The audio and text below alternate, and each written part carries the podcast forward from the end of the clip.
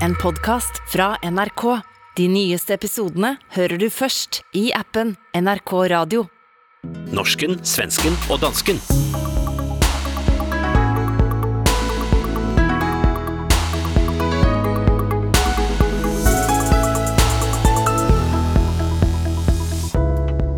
Er kulturboykott av Russland virkelig vejen å gå? Er den bramfrie, øltørste dansken slik vi kender hen i færd med at forsvinde? Tidskapsel fra 60-tallet funnet murt ind på svensk bibliotek. Hvad ville vi ha kapslet ind, som kunne sagt noget om tiden vi lever i? Velkommen til Norsken, Svensken og Dansken, denne ukentlige panskandinaviske familieterapien i Stockholm, Åsa Linderborg, Hassan Preisler i København. Jeg heter Hilde Sandvik, sitter i Bergen, og den næste timen skal vi som vanlig lægge våre nationale sjæler på terapisofaen for at tjekke, hvordan det står til. Men før vi går dit, så må jeg spørge, har dere oplevet noget fint siden sist, Åsa? Åh oh, gud, ja. Eh, Jag har träffat mina barn och mitt barnbarn som har lärt sig att säga hej. Eh, och jag har trivs på mitt arbete och det är vår i luften och jag längtar efter att få snart sätta ut blommor på min balkong. Och jag har beställt en flygbiljett till Oslo. Oj. Flyger dit på torsdag. Så livet går ju också vidare så länge vi kan lyckas hålla oss undan ett tredje världskrig. Hassan, Ja, hvad har du oplevet af fine ting? Jamen altså først og fremmest så har jeg jo min datter hos mig i denne uge. Det er, det er den gode uge, hvor hun, øh, hvor hun ankommer her om fredagen, og så tager hun til sin mor igen øh, fredagen efter. Og så har vi det her, den her fantastiske værmæssige periode i Danmark, hvor solen skinner, øh, men det er, det er endnu ikke blevet så varmt, at der er pollen i luften. Så for allergikere som mig, så er det her, det er foråret. Det er det mest vidunderlige overhovedet. Og jeg, jeg går rundt med barnevognen. I går var jeg til babysvømning med min, øh, med min lille søn. Øh, jeg har jo lært at tage hovedet under vand nu, langt om længe. Det tog mange år for mig at være i stand til det. Det vågar jag fortfarande inte göra. Det kan, det kan læres, Åsa. Det er aldrig okay. For sent at, uh, at lære en gammel løve nye tricks. Og jeg siger løve, fordi jeg var inde og se Syng 2, uh, I ved, den der Disney-film med min datter, hvor den gamle løve begynder at tro på Vad är en löv? Vad är det för någonting? Løve. løve. Va? Den løvenes konge, sikkert dette snak om eh, Vad är det för någonting? en løve, en lion, lion, En løve. Ja, ah, ett lejon! en lejon. Aha, Lejon. det är aldrig för sent att lära ett gammalt lejon att bada. Är det det du säger? Ja, det kan du sige, men i den her Syng, ja. I ved Syng, Syng 2, har I hørt om den film? Nej. Ja, fordi her der, be, der den gamle løve, Leon, begynder at tro på kunsten igen. Mm-hmm. Og, og hans, øh, hans hårde, iskolde hjerte smelter. Mm. Øh, og så smeltede mit, øh, mit øh, hårde, iskolde hjerte også. Og så græd jeg i biografen. Så meget, at min datter måtte sige til mig, far. Åh, det er vakkert. Men, men Hilda, har du varit med om några bra saker då? Ja, jeg har eh, taget min yndlingstogtur mellem eh, Oslo og Bergen, som er faktisk ganske vakkert, og der kan du Ja. sitte der og læse og kigge ut og, og bare suse af gårde. Og så har jeg været eh, svømt ute i et basseng på Solstrand, som er den vakreste pladsen jeg vet om på jord, der du bare svømmer ut, eh, og så kan du ligge der og kigge ut på en isbre. Men alltså, i, eh, är det en varmvattenbassäng eller? Ja, det er veldig varmt. Jaha, gud, det skulle jag också vilja göra. Du ville ha elsket det også. Ja, men det tror jag faktiskt. Du ville ha elsket det. Og så har jeg en god nyhed for de som hørte hele programmet forrige uke, der jeg avslutningsvis prøvde at fortælle historien om mannen, som havde en så stor hage med så masse blomster, at utlejeren sa, at han måtte rive alt, for det var ikke lov at ha så masse blomster. Mm -hmm. Og nå, på grund av masse protest, blandt andet her i Norsken, Svensken og Dansken, så får denne mannen beholde hagen sin. Är det sant? Og han gråt av glæde. Nej. Og han har sagt at han inviterer alle som har støttet han til hagefest. Men alltså, jag förstod inte ens att du pratade om en riktig man. Jag trodde du pratade om någon sån här gammal mytologisk saga.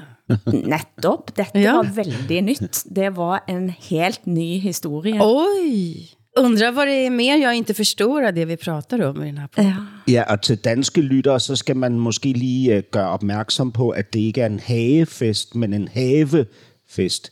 En hage, det er jo den her, der oh. sidder i bunden af ansigtet, altså under, under munden, ikke? Ja. Hakfest. Åh, dette er den vidunderlige haven, den hemmelighetsfulle haven. Beste boken jeg læste som barn. Nej, for vi må indrømme, at det kom enormt mye lytterhenvendelser sidste uke. Nydelige ord blev sagt, men nogen syntes vi var for angstfyldte og bragt for lite håb. Hvad tænker dere, var vi for uh, håbløse? Hassan? Øh, altså, øh, det, det, det, det er svært for mig at vurdere. Altså, min tendens er jo at give mig hen til fortvivlelsen og håbløsheden. Det er, det er sådan en automatik. Det, det er på en måde, at det er det, det der gør mig tryggest. Øh, optimisme har altid øh, vagt mistænksomhed i mig. Øhm, men altså, øh, det kan, jeg ikke, det kan jeg ikke vurdere udefra. Jeg kan jo se, at vi fik de lytterhenvendelser.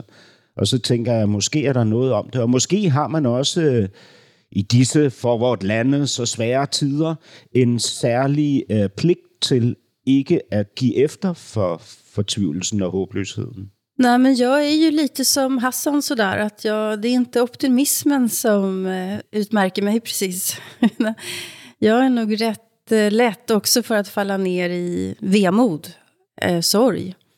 Men det är ju fruktansvärt dystra tider och det skulle bli lite konstigt tycker jag om vi ska sitta här och spela någonting annat. Spela känslor som vi kanske inte har. Jag är helt förtvivlad när jag tänker på det som händer. På två miljoner människor på flykt, hur städer bombas sönder, eh, sjukhus bombas sönder. Och jag undrar, går det att rädda Ukraina utan att starta ett tredje världskrig? Det är ju den frågan som vi måste brottas med. Ska man bara lämna dem åt sitt eget öde? Hur ska man göra? Vad är den bästa hjälpen? Men der er jo også nogle, nogle dynamikker imellem os tre, som øh, er interessante at observere, fordi Hilde, man kan jo sige, øh, der er jo ikke nogen af os, der har oplevet dig så påvirket, øh, som du var i sidste uge, og du plejer jo at være det optimistiske samlingspunkt i den her podcast. Så når du ikke er optimist, så er der jo kun melankoli tilbage. Ikke? Mm-hmm. Altså, det er vel også forskelligt, hvordan vi forholder os til følelsesmæssigt til denne her krig, fordi mennesker forholder sig forskelligt til katastrofer og store tragedier, men vel også fordi vi har forskellige erfaringer fra vores liv, ikke? Mm. tænker jeg. Mm.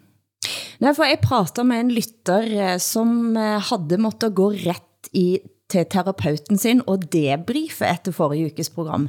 Oj.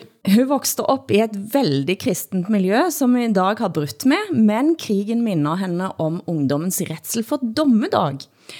Og da jeg sa det, så slog det mig, at det har jeg også tænkt uden at sætte ord på det, for jeg voksede også op med Bibelen tæt på, og var redd for Johannes åbenbaring som barn og ungdom, og kjente på angsten for dommedag, rett og slett. De sidste tider og tusenårsrik og antikrist og you name it. For når det er sagt, så er det akkurat disse strengene som Putin spiller på. Han skaber et slags militant religiøs nationalisme, som jeg indrømmer at jeg finder det interessant at følge med på.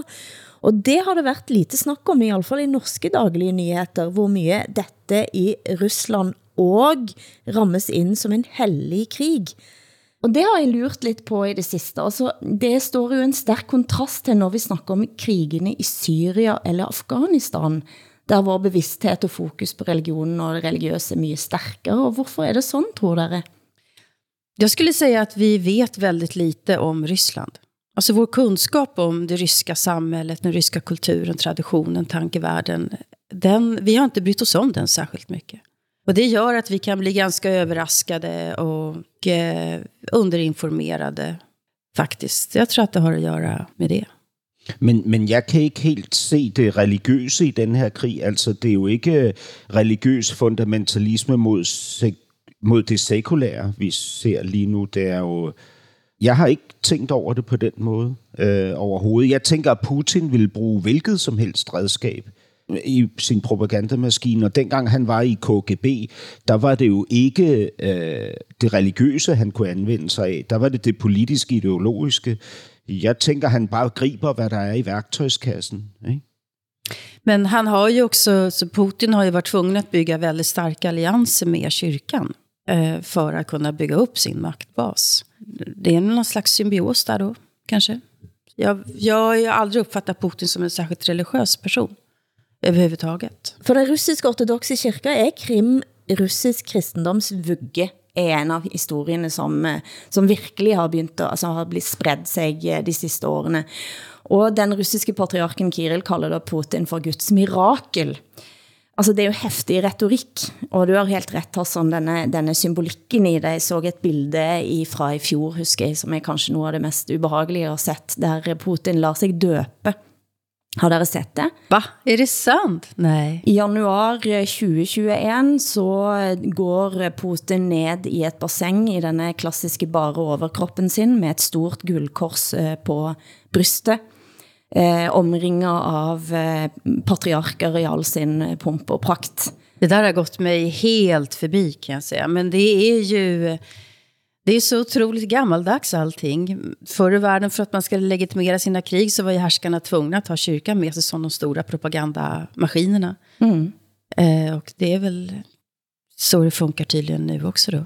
Altså sånne, sånne ting har skjedd på en måte under, under radaren, og den, selvfølgelig skal du få med dig folket, så må du også få med det religiøse sentimentet, tænker jeg. Og det er derfor det er interessant at læse, som altså Aftenposten beskriver nylig om altså mirakelet i Moskva, som nu blev præsenteret i russiske medier nylig, eh, om et ikon da, som begyndte at blø, som nu spredes i sociale medier som et tegn fra himlen om at Gud støtter Ruslands krigføring. Apropå utomhusbassäng och kyrkor och sådär, så tänker jag den här kyrkan som Pussy Riot hade sin, sitt uppträdande i, heter den Heliga Jungfru kyrka? Kan tappa bort namnet. Vem? Pussy Riot hade ju en eh, konsert i en, i en stor kyrka. Ja, Pussy Riot, ja det är sant. Ja. Den ligger på en, på en höjd i Moskva, jag har varit där och eh, på den där platsen så skulle man bygga en jätte, ett jättestort Lenin-mausoleum. Det var liksom färdigritat och klart och det blev aldrig av. Istället så anlade man en stor utomhusbassäng där som var öppen året om och så var det varm, varmt vatten och så den här minus 20 grader i Moskva. En otroligt älskad eh, plats för Moskvaborna. Eh, den la man igen den här bassängen och så byggde man den där kyrkan istället. Och, och det var en eftergift till de konservativa krafterna. Och det tyckte ju inte Moskvaborna om. Men eh, nu har man väl kanske, ja, nej, jag vet inte, men kyrkan spelar helt uppenbart en stor roll i, i Ryssland i alla fall. Så. Forrige uke kom nyheten om at den danske venstreleder Jakob Ellemann Jensen vil omdøpe Christiania gate til Ukraina gate. Og det fik den russiske ambassade i Danmark til at udtrykke bekymring for, at det ville skade forholdet mellem Norge og Danmark, siden Christiania gate var kaldt op efter den tidligere navnet på Oslo. De inddro også en del parkeringstillatelser fra den russiske ambassade. Hvis det er like stress at parkere der som i Stockholm og Oslo, så er vel det en ganske grusom straff, Hassan. Det blir vel cykel da på den russiske ambassadøren fremover. Ja, at, du siger, de har inddraget parkeringspladser foran ambassaden? I tillæg til at, at døpe om gaten, men altså inspireret av Danmark. Bydelsudvalget i Frogner i Oslo har bestemt at døpe et område i nærheten af den russiske ambassaden til Ukrainas plads. Men så har man en mer specifik boykott i Sverige, for ikke bare har IKEA, Hennes Maurits og Spotify nå trukket sig ut af Rusland, Systembolaget har plukkat bort rysk vodka. Det där drabbar mig kan jag berätta. Jag skulle aldrig köpa någon annan vodka än rysk vodka. Det är absolut den bästa vodkan. Den är så mild och så mjuk och så god. Och inte blir man bakfull heller. Den är fantastisk. Har det noget at sige? har det noget at sige? Tror du det svir? Ja, det tror jag att det gör. Men jag funderar mycket på det här med byta, byta namn på gator och sådär. Jag tror, var inte en Holland eller Amsterdam först med att byta namn på den eh, sydafrikanska ambassaden på 80-talet till Nelson Mandela Street, tror jag, eller någonting sånt där bytte man namn till. Jag kommer ihåg att jag tyckte att det var så häftigt då på, på 80-talet. Nu funderar jag på den här typen av aktioner och dra tillbaka parkeringstillstånd och sådär, att det är någonting, ja man vill förnedra eh, ryssarna på det här viset. Och jag undrar hur effektivt det är, hur... Eh, alltså vad det, vad det betyder, om det, om det betyder någonting på riktigt. Vad, om man bara retar upp dem ännu värre. Alltså förstår ni vad jag menar? Alltså, Mm, mm. Jag kan ju tycka att att dra tillbaka parkeringstillstånd är ganska barnsligt faktiskt. Jag vet inte, men jag är alltid för dialog. Eh, Även med, med de värsta tänkbara så, så tycker jag nog att man ska försöka hålla sig på en civilisatorisk nivå. Og så virker det jo som eh, det begynder at bli lidt panisk. En ny københavnsk restaurant skulle kaldes op efter en russisk astronaut. Og de har nå i hui og hast og til betydelige merkostnader ændret navnet. Hvad går dette ut på, Hassan? Jamen, som du skildrer, øh, du kan kalde det en astronaut. Jeg tror, de russiske astronauter hed kosmonauter. Øh, Kosmonauter heter de. ja, og så var det jo den aller, allerførste russiske kosmonaut, som restauranten skulle opkaldes efter. Gagarin. Nej, før Gagarin, Aha. der var der en, en hund, Alltså hunden Laika. Åh Ja, oh, gud, hunden. Leica. Øh, men, øh, men nu har man valgt øh, simpelthen... Ja, jeg ved ikke. Altså, prøv at høre. De her ting for mig, det med ambassaden, og det med den restaurant, og vodkaen øh, på Systempolakket og sådan noget, det bliver lidt fjollet for mig, det her. Altså, det bliver lidt tosset, for i min bog, så er det slet ikke det, det handler om. Og det er, det er sådan nogle feel-good-handlinger, som er øh, udelukkende har symbolsk værdi, hvis nogen værdi overhovedet. Ikke?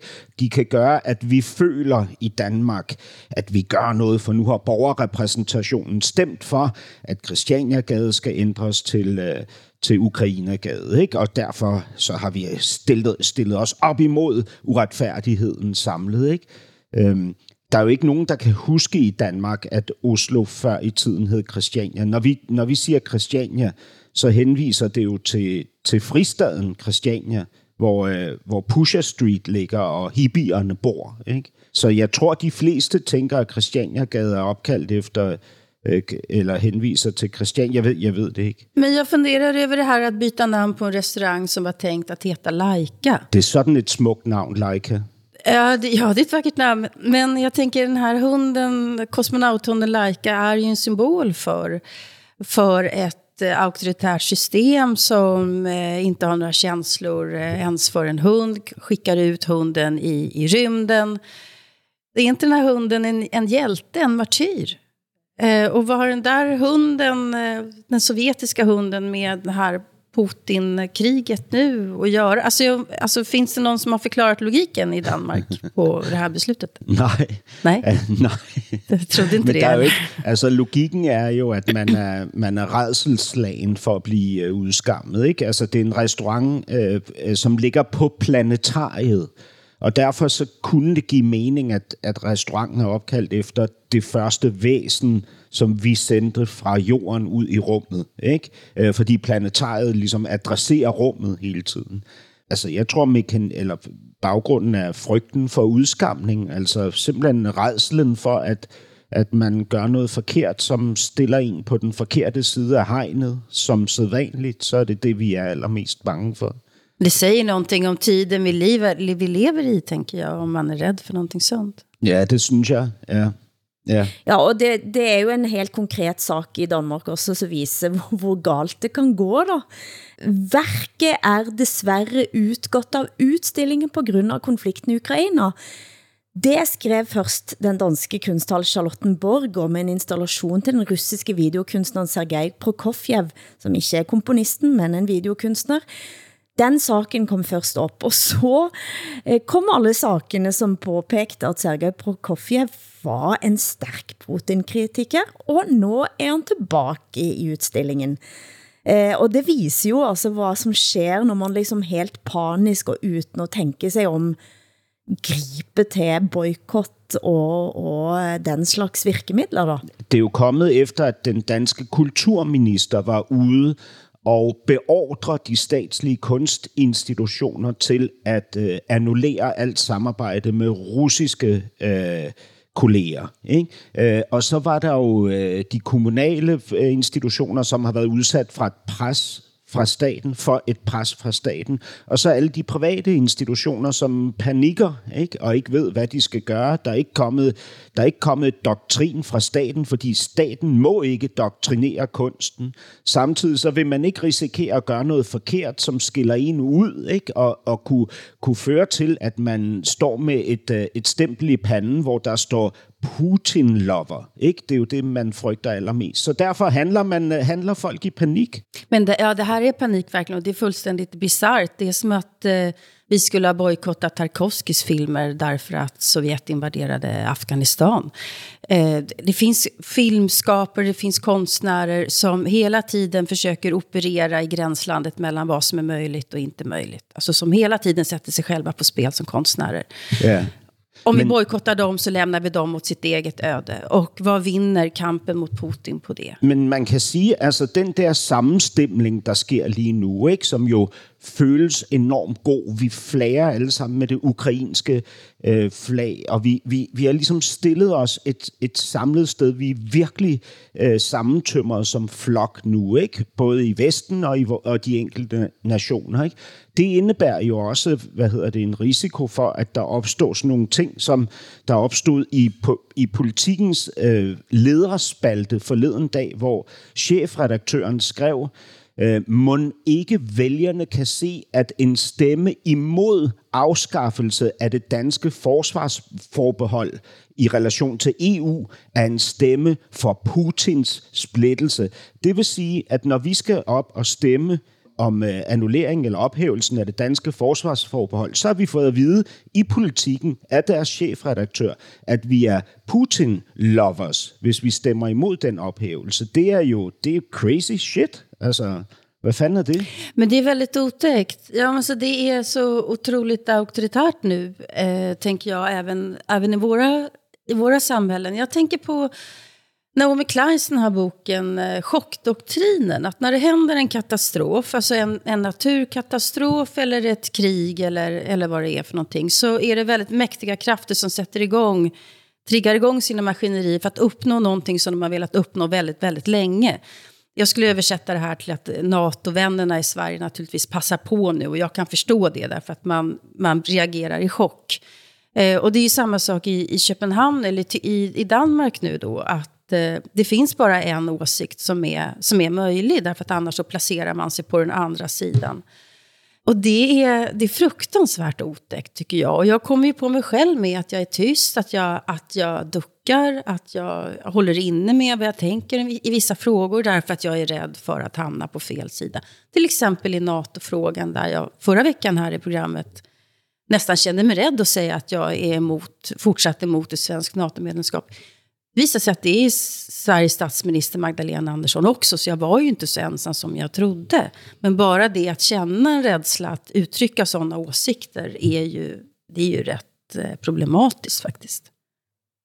Men den rädslan då for at havne på, på feil side, og hvis, hvis vi går ind tilbage i, i kunsten og kulturen igen, for kulturboykott er også en eh, slags eh, test for hvor vi er redd for at havne.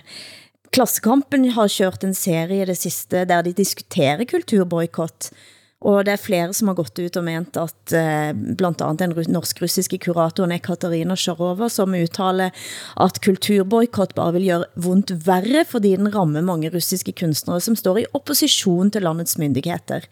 Og den norske kunstneren Morten Tråvik går også hardt ut mot kulturboykott. Tråvik har tidligere gjort store kunstprojekter i samarbejde med regime, til og med i Nordkorea, og har jobbet mye i Rusland. Og han siger, jeg modtager daglige tekstmeldinger fra fortvilte kolleger og venner i Rusland, som fortæller at de ikke vet hvad de skal gøre. Nylig fik jeg for eksempel besked om at en central skikkelse ved den russiske teaterscenen er blevet kastet i fængsel for at udtrykke modstand mot krigføringen. Jeg forstår derfor ikke, hvad man vil opnå med at frata dem de sidste åndelige livlinjene ut i omverden.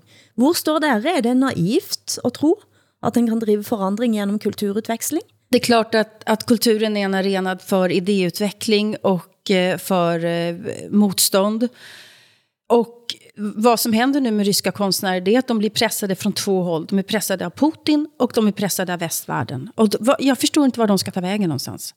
Jamen altså, jeg, jeg synes ikke, vi bare kan bondle alle øh, kunstnerne op og sige, at, at det her er gældende eller ikke gældende for kunstnere. Altså, jeg synes, det gav perfekt mening, at man aflyste en operakoncert i Jylland med en, med en stor operastjerne som en af Putins nærmeste venner. Jeg synes ikke, at, øh, at den russiske statsballet øh, under de nuværende omstændigheder skal optræde på et teater i Aalborg eller Aarhus, ligesom øh, symfoniorkestret heller ikke skal hyre store anerkendte, statsanerkendte, statsfinansierede dirigenter og instruktører til at opsætte ting og sager.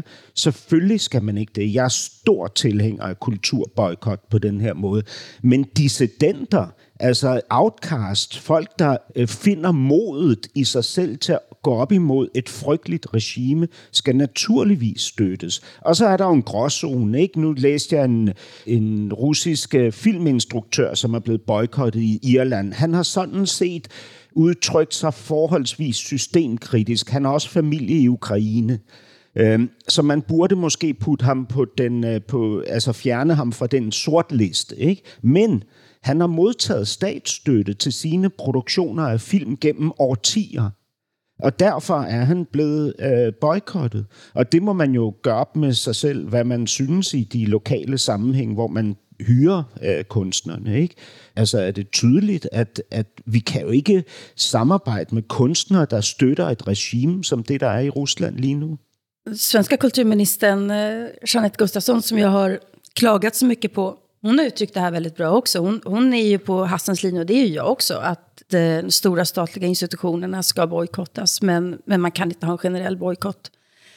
Eh, och det är de här gråzonspersonerna, gråzonskonstnärerna som du tar upp här Hassan, som är väldigt intressanta. Och jag funderar på, en kyrka kvarteret här där jag bor har sedan många år tillbaka ett, ett musikersamarbete med eh, ryska musiker från någon skola eller någon liten stad eller vad det är. Hur ska man göra med dem? Mm. Ska, ska de inte få komma hit? Ska de inte ha möjlighet att, att berätta om läget där? Ha möjlighet at søge asyl? Og så videre. Og så er det jo også sådan, hvis jeg bare lige må supplere en enkelt ting, Hilde, det er jo også sådan i enhver nation, uanset om man har et, et blødt demokrati, som vi har i vores land, eller et hårdt, et, et hårdt diktatur, som man har i andre lande, så er det jo sådan, at der er nogle medløbere, kunstnere, ikke, som øh, støtter regimet, eller, eller hvad hedder det, regeringen, eller hvad, hvad det nu end er. Og så har man nogle få modige, der stiller sig i opposition. Ikke? Indimellem det, så har man en stor, bred masse, som ikke siger noget som helst, så længe det er risikofyldt. Ikke? Og den store, brede masse har ikke min omsorg lige nu. Det må jeg sige. Dem interesserer jeg mig ikke særlig meget for. Og jeg mener ikke, at de har gjort sig berettiget til nogen som helst særbehandling. Mm. Men også, du har jo fortalt om din mormor, eh, som eh, var russisk og oversatte blandt andet for kunstnere i sin tid i sov gamle Sovjet. Ja, min mormor hon tolkade för eh, ryska danssällskap som eh, kom till Sverige och sen så också för svenska, eh, svenska kulturarbetare som åkte till, till Ryssland. Eh, dansbandet Vikingarna bland annat, men sen också svenska författare och så vidare. Allt däremellan. Hon tolkade för Gagarin när Gagarin var i Sverige. Varje år så kom det ju eh, danssällskap från Bolshoi till exempel som min mormor tolkade för. Det var alltid en eller två som hoppade av och stannade kvar. Jag, jag tycker att man ska, man ska ha en bojkott för de här stora statliga institutionerna. Jag tycker ändå, ändå det. Men vad vi pratar om i Sverige, eller så här, det, det, i, I Sverige så finns det de som tycker att man ska kasta ut alla ryssar som bor i Sverige. eh, den, den tidigare försvarsministern Mikael Odenberg är moderat. Han har skrivit på Facebook att han tycker att vi ska kasta ut alla ryssar, även studenter allihopa. Och då, måste vi alltså, då ska vi alltså straffa människor som har flytt Ryssland och bor här eller som bara bygger upp ett liv här. De, de pluggar, de arbetar som veterinärer, ingenjörer. Det är barn. Det är de som städar på väldigt fina adresser. Skulle vi kasta ut det ryska prekariatet så skulle det märkas på de fina adresserna här i, i Stockholm kan jag säga. Det här kan han skriva på Facebook. Det har inte blivit någon större diskussion om det. Och det, det, det tycker jag är ganska otäckt faktiskt. Mm. Jeg har lyst til at snakke lidt om informationskrigen og journalistik, for vi er jo to tidligere redaktører i Norsken, Svensken og Dansken. Hvordan forholder vi oss til informationskrigen? Åsa, vad är dina, hvor rykker det i redaktør, eh, eh, vad ska jag säga, fingrarna? När jag var kulturchef så publicerade vi ju rätt många artiklar av journalister från Novaja Gazeta till exempel. Och eh, det kan jag sakna, den möjligheten att få, få publicera sådana texter mm. som eh, journalister har skrivit som verkligen riskerar någonting när de skriver. Det är ju något alldeles särskilt att trycka sådana texter. Men till informationskriget då så, så jag är helt övertygad om att vi alla blir manipulerade lite grann hela tiden. Jag håller helt öppet för att jag, att jag blir det. Jag tycker att det, det är ganska otäckt. Ibland tänker jag att jag ska stänga ner alla nyheter för att inte riskera det. Mm. Den, att det ska hända. Men jag kan ju också tänka, ibland skulle jag vilja ha tillgång till lite mer informationskrig, lite mer propaganda. Eh, jag tänker på det här att EU har förbjudit Russia Today. Jag gillar inte censur överhuvudtaget. Eh, men det är ganska svårt nu att få tag på om man vill se hur Putin ser ut och hur han låter när han håller sina tal, vilket jag skulle vilja göra, så är det ganska svårt att få sådana exempel därför att det är nedstängt. Eh, och då blir jag som journalist lite frustrerad för att jag skulle vilja titta och ta ställning och jag vill se hans kroppsspråk, hans mimik, hans röstläge, jag vill höra vad han säger.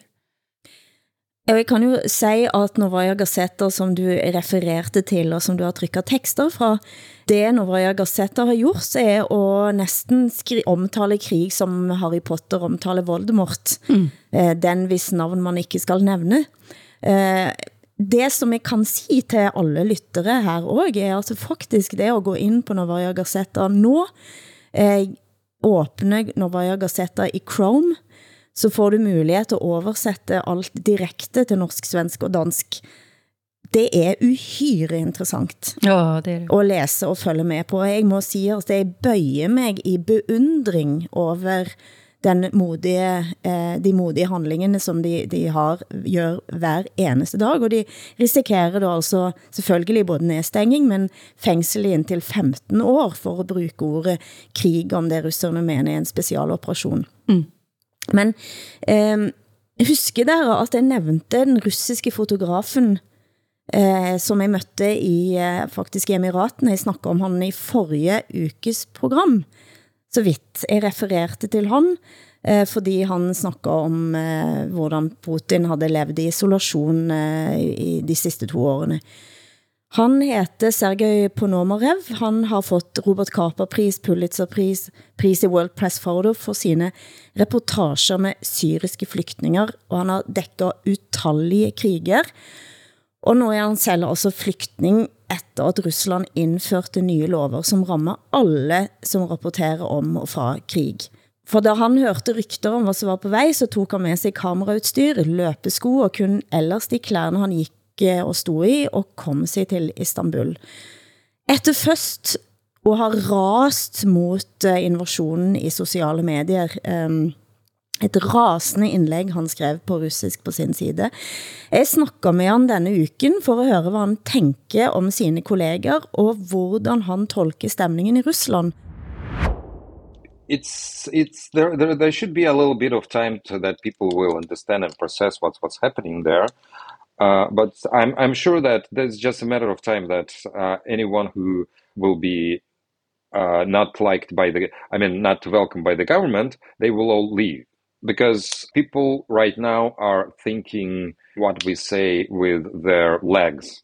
So they vote with their legs, they just leave the country.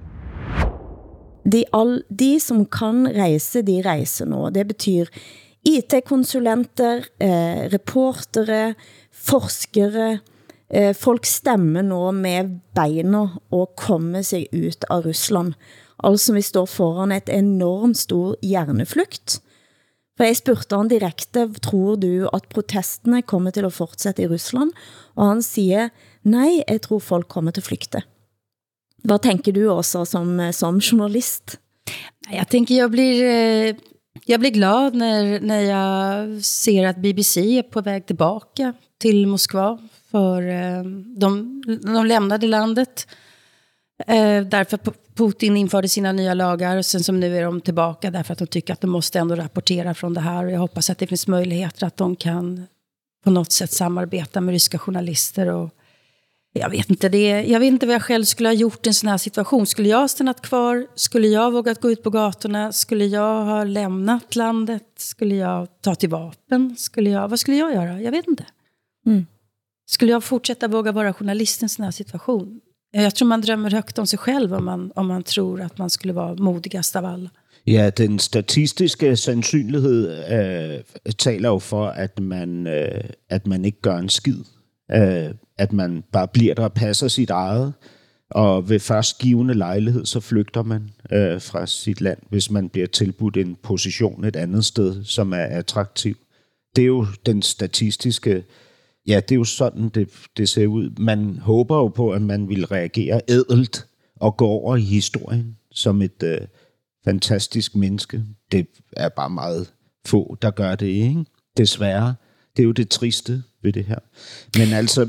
Men jeg synes jo ikke, det er noget, jeg synes jo ikke, det er noget feigt over, som Sergej da, altså tager med sig tingene, rejse for så rejse tilbage til grænsen og rapportere. Det er fantastisk. Øh, rejse fra, øh, altså han har barn igen i Rusland blandt andet. Men jeg beundrer honom enormt. Det är ju ofattbart vilket mod han besitter. Mm. Vi må tvinge en lidt humor her i dette alvorlige segmentet. Jeg blev tipset om et klip fra den danske komikeren Jonathan Spang, som et stand-up show i 2019 la frem sin teori om hvorfor Danmark ikke har eh, chance i møte med en russisk invasion. Den dag russerne kommer, de kommer til at tage os. Vi har i Europa mere militær end Rusland, men de har indstilling. Og det er fordi, hver gang en russer går sulten i seng, så står Putin klar nede i fodenden sådan her. Det er europæernes skyld! Og hver gang vi går i seng, der ligger der i mørket helt tykke, så ligger vi og tænker, sur dig er levende. Det er i grunden mærkeligt, at den ikke har stemmeret. Har Spang her et poeng, Hassan? Er dere mere optaget af surdejsbrødets øh, stemmebrett? Det levende surdejsbrøds stemmeret? altså, det er jo Europa, han refererer til. Ikke? Jeg, jeg går ud fra, at, at han mener, at, der, at vi er for dekadente. Ikke? At vi har... Men, men, og det må man jo også sige, at der i år 2019 er en, øh, en, en meget gennemtrængende sandhed i. Ikke? Altså, Øh, Øh, dekadencen før, har jo ført til splittelse og ligegyldighed over for de der institutioner, der samler vores nationer i fællesskaber, som, som sikrer vores økonomiske og, og øh, øh tryghed og vores tryghed i øvrigt. Ikke? Øh, og alle de der institutioner, de er jo blevet genaktiveret. Er du sindssygt, de har fået en revival, ikke? Altså øh, langt større end ABBA, altså NATO, EU, FN, ikke? Er lige pludselig mega populære igen, ikke? Og, øh, og vi hæver vores budget, og alle folk vil være medlem af de her organisationer osv., som var ved at smuldre, som er blevet ligegyldige, ikke? Altså overflødige, ikke? Som, var, som vi mest af alt så som en surdej, altså noget, der er rart at have, men ikke nødvendigt nødvendigt. Ikke? Nej, men jag kommer att tänka på nu när jag hörde det här klippet. Mogens Glistrup, hade inte han en idé om det danska försvaret att det ska ersättas med en telefonsvarare? Så att när ryssarna invaderar så svarar man bara vi ger oss. var, inte, var, inte, var inte det Mogens Glistrups lösning? det är vackert.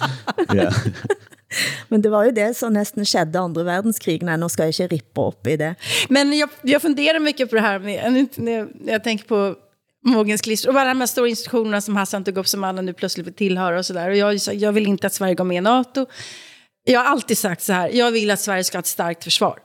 Jag vill att ska allmän värnplikt. Så här. Men det har ju faktiskt aldrig funnits en enda gång när jag har sagt så här. Nu tycker jag vi ska satsa si och så mycket mer pengar på försvaret. Mm, alltså jag, jag liksom funderar över mig själv, alltså vilka prioriteringar har jag gjort då rent politiskt? Nu kommer Sverige att göra precis som Danmark. Eh, vi ska ha 2% av vår BNP ska gå till försvaret. Mm. Det är säkert rätt. Eh, samtidigt så tänker jag så här, vi har precis genomgått en pandemi. eh, som visade vilka enorma problem vi har med den svenska vården till exempel. Vi har problem med skolan, vi har problem med väldigt, väldigt mycket i Sverige. Och då kommer den här, de här politiska prioriteringarna som man ändå måste kunna få diskutera, tänker jag. Utan att, eh, utan att man ska behöva bli, få bockhorn liksom på, på huvudet. Mm. När Danmark nu ska kapa av allt, allt beroende till den ryska gasen, det tycker jag skulle ha skett för länge sedan. Men så innebär ju det att Danmark ändå kommer med sin egen naturgas, kommer leta efter det. Och kul. Och kol och eh, olja och vad det nu är. Och, eh, så att, som, som en grön, alltså ett land som ändå har en idé om grön omställning så det är klart man måste prata om det här. Mm. Allting får konsekvenser nu. Och då gäller det att man inte agerar i panik eller så, att man faktiskt vågar ha huvudet lite kallt. Men for, før vi nå forsvinder langt ned i håbløsheten, så er jeg optaget av dette. Er Danmark i færd med at bli mindre dansk? Altså ser man også en ny, ny puritanisme i Danmark. Den danske Sundhedsstyrelsen, som tilsvarer Folkehelsemyndighederne og FHI i Norge, har gått ut med en ny anbefaling om at unge under 18 år ikke bør drikke alkohol. Aldersgrænsen for at købe alkohol i Danmark i dag er 16, men dette kan danne grundlag for at lovgivningen ændres og at aldersgrænsen hæves til 18. Det vil jo være et slags drikkekulturpolitisk jordskælv, Hassan. Ja, er du sindssyg? Altså, det er, det er øh, så uventet og, og så radikalt ind i den øh, øh, danske kultur, jeg kender i hvert fald. Altså øh, alkoholkulturen.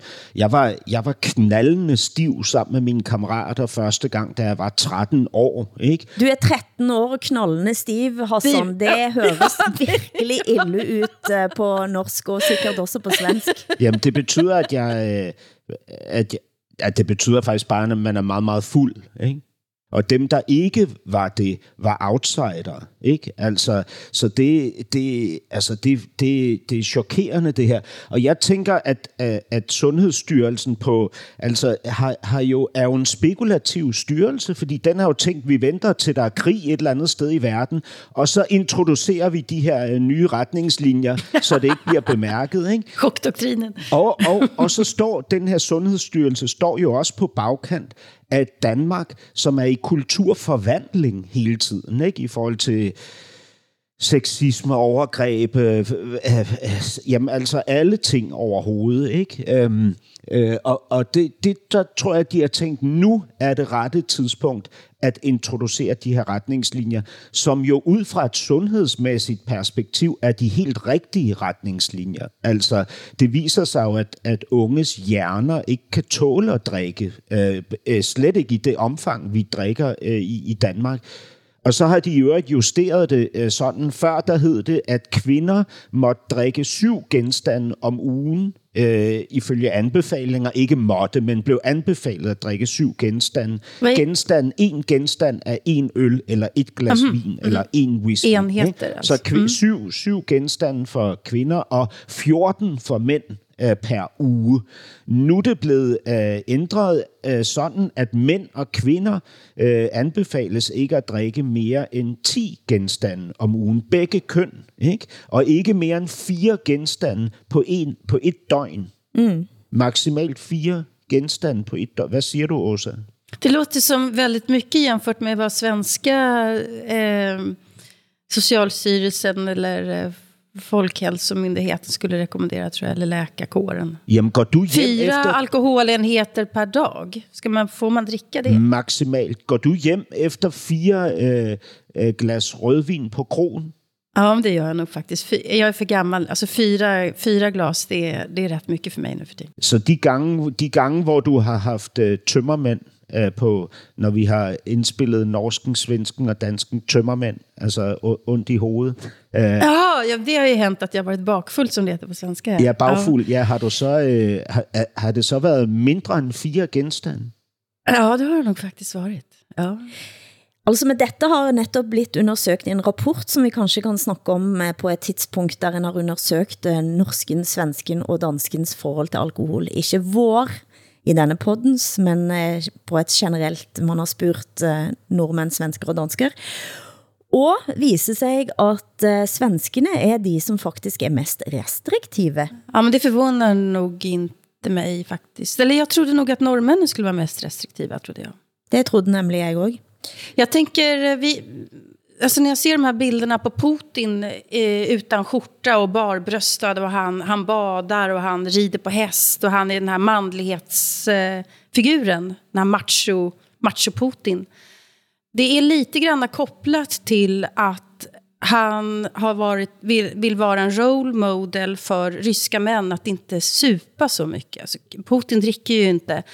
Och i Ryssland så har de ju ingen sundhetsstyrelse, socialstyrelse, de har ingen folkhälsomyndighet, de har ingen alkoholbekämpning på det viset som vi har här.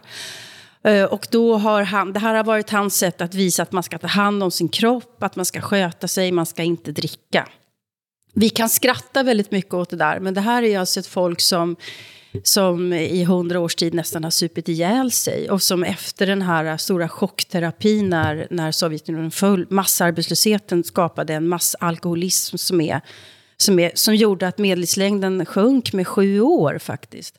Så därför så, när han uppträder på det här machoaktiga sättet som man kan skratta ihjäl sig åt eller bara tycka att det är helt förjävligt bisarrt, så finns det också ett budskap till ryssarna som går oss förbi, därför att vi kan Ryssland för dåligt. SVT kunne melde denne uken at i forbindelse med rivningen av det gamle biblioteket i Gävle, så havde bygningsarbejderne fået tips om at det er et eller andet sted i bygget var murt ind en såkaldt tidskapsel, som havde blitt lagt der på begyndelsen av 60-tallet. Kort Åsa, hvad går konceptet tidskapsel ut på?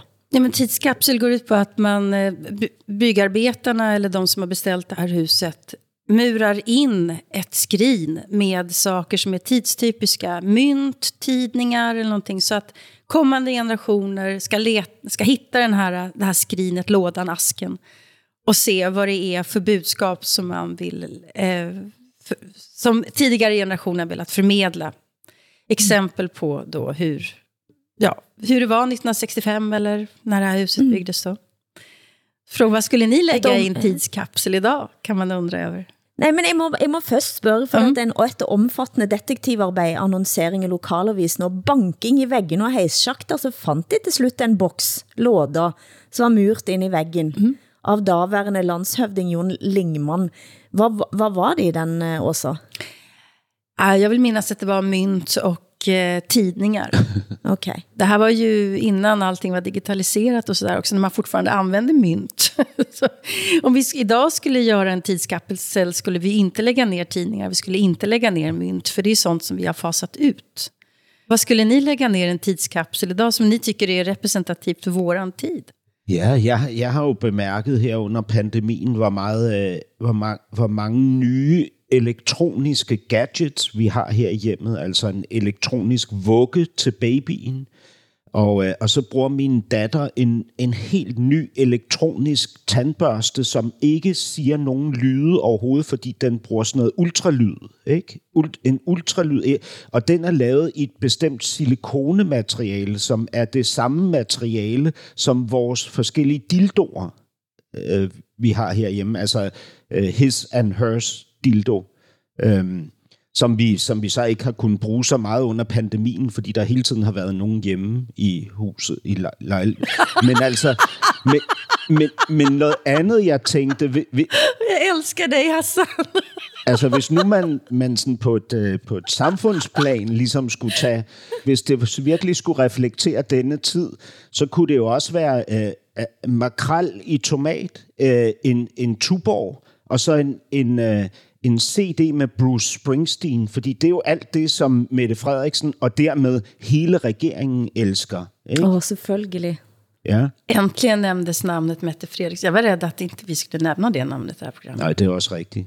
Men, men prøv at høre, tror I ikke, at man skulle putte en modelbil ned i sådan en tids... Tror I ikke, at bilerne er ved at blive udfaset? Tror I, vi har biler om, om 50 år? Nej, men jag tänker om jag skulle lägga ner någonting i en sån här låda som, som, som, är, som jag tycker utmärker vår tid. Mm -hmm. Då skulle jag nog lägga en modell av en Tesla, alltså en, en eller någon elbil. Något sånt. Mm. Jag skulle nog också lägga ner en flagga. För, och det kunde vara för vilket land som helst. Alltså den här nationalismen är, är så stark nu och, är, och växer naturligtvis av sådana här händelser som vi är med om nu också. Jeg lå jo våken i natt med migrene og prøvde at tænke på, hvad jeg skulle ha i en tidskapsel, og det eneste jeg klarte at tænke på, var at jeg ville mure ind Mark Zuckerberg. eh, nu læste jeg, at eh, 90% vi har snakket om informationskrig, men det var nogen, som påstod, kanskje det var en eh, del av en informationskrig, at 90% av russisk propaganda mot vest eh, sker på en eller anden metaplattform, som det nu heter. Mm. Eh, så jeg ville kanskje helst pakke ind Mark Zuckerberg og fått han i en låda. Mm. Men det høres lidt fryktelig ut. En snakkes helt fra Danmark helt på tampen, en anmeldelse av den danske finalen av Melodi Grand Prix Eurovision-finalen har skabt opstyr denne uken, Hassan. Anmeldelsen er skrevet av Søren Båstrup og er totalslagt av hele showet.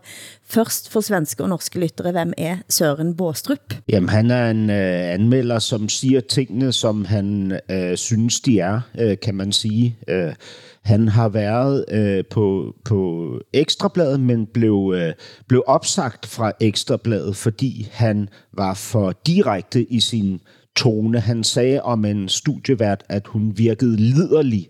Ved I, hvad liderlig er på, mm. øh, hedder det ja. det samme? Ja. At hun havde lyst, havde lyst, altså at hun var, ja, at hun havde lyst. Liderlig? Ja, at hun ja. var liderlig. Mm. Han blev opsagt fra Ekstrabladet. Nu er han så på avisen.dk, hvor han har skrevet en anmeldelse af dette års Melodi Grand Prix, og han lægger ikke fingeren imellem. Han skildrer øh, i i øh, meget bramfri toner, hvor katastrofalt han mener det var. Og, og, og han skriver blandt andet, at mens vi venter på afgørelsen, altså mens man så og ventede på resultatet af, af det her, så, så ødelagde det her show øh, både ABBA og nogle store danske øh, stjerner øh, øh, ved at få det til at lyde som en teaterkoncert på en efterskole. Øh, og det endda selvom Danmarks Radio har taget deres eget drengekor med, skriver han så, og fortsætter, øh, pigekoret er vel også blevet krænket nok. Øh, og det er jo øh, vilde toner, ikke? Øh, fordi han bruger jo så alle de her krænkelsessager over for pigekoret øh, til at illustrere, at de ikke skulle være udsat for endnu en krænkelsessag, som det ville have været, hvis man havde stillet dem op til det her Melodi Grand Prix. Ikke? Hvorfor heter alla Søren i Danmark? Är Søren det vanligaste danska namnet? Mette og Søren. Ja, der er mange, der hedder Søren. Mette og Søren. Da, øh, da, da, vi, jamen, da vi gik i skole som børn, så var der en bog, en bogserie, som vi lærte dansk gennem. Og i den bogserie, der hed børnene netop Mette og Søren. Ikke? Er det sant, altså? Ja, ja. Det, aha. Men altså, Åsa, eh, hvis Danmark nu hæver aldersgrænsen for at købe alkohol, mm de er faktisk i færd med at indføre cigarettforbud som for alle som er født efter 2010. Hvad? Er det sant? Det er også sant. Er det ikke det, Hassan? Det, det har jeg overhovedet ikke hørt noget om. altså cigaretforbud. Det, det, har, det har nemlig... Hvad, hvad då skal det... Skal man... For alle som er født efter 2010, eh, det kunne altså svensk TV melde nå nylig. Danmark vill förbjuda cigaretter och tobak för alla som är födda efter 2010. Mm, detta är enligt då flera danska medier. Förslaget ska vara en del av en större hälsoreform i landet. Vi har nu med oss vår reporter Gustav Röriksson eh, som är på plats i Malmö. God morgon. Eh, Gustav, vad, vad, skulle det här förslaget innebära om det blir verklighet? Ja, men det är precis som ni säger. Ingen som är född efter 2010 kommer att tillåtas köpa cigaretter eller andra tobaksprodukter men okej, okay, så hur har de här, hur, vad har det blivit för reaktioner? För att jag menar, även om kanske tanken bakom är, är, är god så är det ju en ganska stor inskränkning ändå på den personliga integriteten. Mm, absolut. Ja, alltså, nu har jag inte varit över i Danmark och pratat med danskar och speciellt inte danskar som röker. Men eh, läkarföreningar och till exempel Non-Smoking Generation är såklart eh, positiva till det här. Eh, men altså, og MeToo har sat stopper for sexchikane, og nu er det heller ikke lov med grænseløse lystmordanmeldelser av Melodi Grand Prix. Hvad blir da igen av Danmark? Ja, det undrar jag också. Vad, det händer så mycket i Danmark nu så att vi kommer inte känna igen Danmark om några veckor. Jamen, det er jo virkelig spændende, hvilken øh, ny identitet, der vil vokse ud af ru- ruinerne efter den gamle identitet. Men så vil jeg lige sige til Danmarks forsvar, at man skal ikke stole på alt, hvad man læser om Danmark i de svenske medier. Nej, det, det kan nog gott och väl stämma. Men tänk om Danmark blir som Sverige. Det tycker jag verkar jättetråkigt. Det blir sidste ord fra oss i norsk, ukens Norsken, Svensken og Dansken. Producent har været Henrik Hylland Ulving. Tak til Hassan Preisler i København, Åsa Linderborg i Stockholm. Jeg heter Hilde Sandvik i Bergen. Produ- programmet er produceret af Broen XYZ for NRK, SR og DR. Der redaktør for programmet er Ole Jan Larsen, og vi høres igen om en uke. Jeg synes noget, der viser meget godt, hvor klar vi er til krig herhjemme. Det er vores indkøb af de nye kampfly. Det foregik mere eller mindre sådan her. Så øh, det er dem her, der ikke kan flyve, eller hvad? Ja, det lyder jo super klimavenligt. Og allerede nu, allerede nu, før flyene er leveret, er der naboklager i Skydstrup, hvor flyene skal stå, klager over larmen. Jamen, jeg tror simpelthen ikke, folk er helt gearet til, hvor meget det kommer til at larme i tilfælde af rigtig krig. Den danske stat kommer ikke til at lave andet, end, end, end at svare på naboklager og sætte sædler op i opgangen der. Sådan, I forbindelse med territoriale uenighed med Rusland vil der være noget krig fra lørdag og et par dage frem til vi overgiver os. Tjek mørklægningstider i e-boks.